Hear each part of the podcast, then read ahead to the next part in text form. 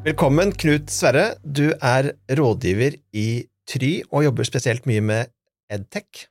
Stemmer. Hva er det egentlig dette fagområdet handler om?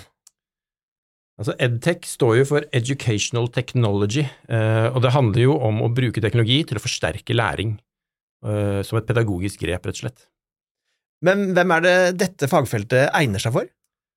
Altså, vi opplever at det, I utgangspunktet så har det vært vel, brukt veldig mye i, eh, på universiteter og skoler osv., men vi ser at det er veldig mange institusjoner som trenger å nå ut med kunnskap til målgruppene sine, spesielt unge målgrupper. Eh, og da lage opplevelser hvor du bruker teknologi til å spre kunnskap, og skal gjøre det engasjerende og mer levende og morsommere, bidrar til at disse større institusjonene får ut budskapet sitt og får skapt en, en større forståelse av hva de driver med og deres eh, funksjon i samfunnet, rett og slett. Kan du nevne noen eksempler? Ja, jeg har hatt gleden av å jobbe med veldig mange av de største institusjonene i Norge. Så det jeg har jobbet med der, er jo for eh, Norges Bank.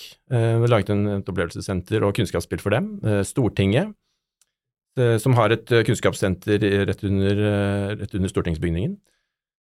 Og så jobber vi nå med KS og LO, som også skal ha store kunnskapssentre med interaktivt innhold som skal få elever til å gå inn i et rollespill og forstå hvordan disse institusjonene opererer, og hva de står for, og hva de betyr i samfunnet.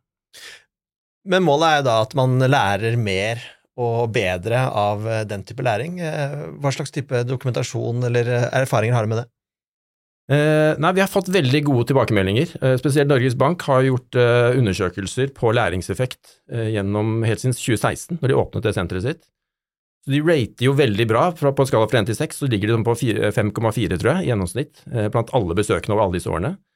Og I tillegg så er det skrevet en masteroppgave om det rollespillet vi har gjort for Norges Bank. Um, og der har vi scoret veldig bra og ser at de pedagogiske grepene vi har valgt, de, de, bidrar til veldig effektiv læring, og de svarer veldig godt på kunnskapsspørsmål i etterkant.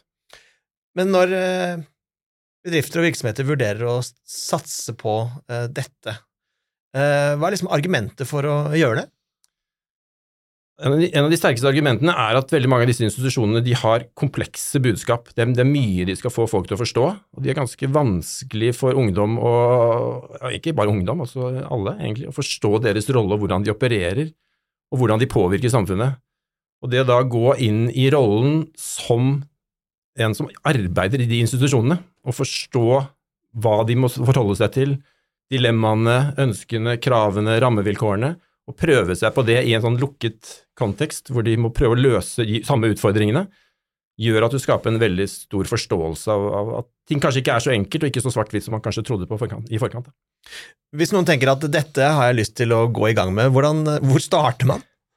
Ja, det, man bør starte med et forprosjekt. Man må forstå på en måte hva er det hva er det man ønsker å formidle? Hva, hva, hvor, er det, hvor, er barrierene for hva publikum, spesielt unge mennesker, sliter med å forstå hva disse institusjonene betyr, og hva de gjør, og hvordan de opererer? Uh, så det, Ofte så gjør vi en undersøkelse blant, uh, blant institusjonen selv og de som jobber der. og så Hva er det dere ønsker å formidle? Og Så vi, tar vi de samme temaene, og så snakker vi med målgruppen og hører hva er det de kan om disse temaene. Og så prøver vi å se ok, her er det store kunnskapshull. Uh, noen ting er kanskje altfor komplisert og vanskelig å forstå. Mens andre ting er det, det er virkelig de viktigste tingene som disse, disse, denne målgruppen må forstå. Og så bygger, eh, lager vi et narrativ og en, en, en, en, historiefortelling basert på de kunnskapshullene, og prøver å få det inn i et narrativ, en god dramaturgi, som gjør at de kan leve seg inn i det og, og forstå disse tingene på en, på måte som, som, de aldri kan gjøre på en kort TikTok-video eller en reklamefilm. Her handler det om at vi har full kontroll på alle sanser inni et sånt kunnskapssenter. Lyd, lys, interaktivitet, eh, oppgavedesign, og så ligger det på rundt to til to og en halv time med 100% fokus på den kommunikasjonen og det budskapet som disse institusjonene eh, ønsker å formidle. Hvis du skulle sagt i et par setninger om hvordan, hvorfor man som bedrift eller virksomhet skal sette i gang med EdTech-prosjektet, hva ville du sagt da? Da vil jeg si at hvis du virkelig ønsker å, å, bruke kunnskapsformidling som en måte å bygge omdømmet på og du, Vi vet jo at jo bedre kunnskap du har om en institusjon eller en stort konsern, eh, jo høyere er tilliten.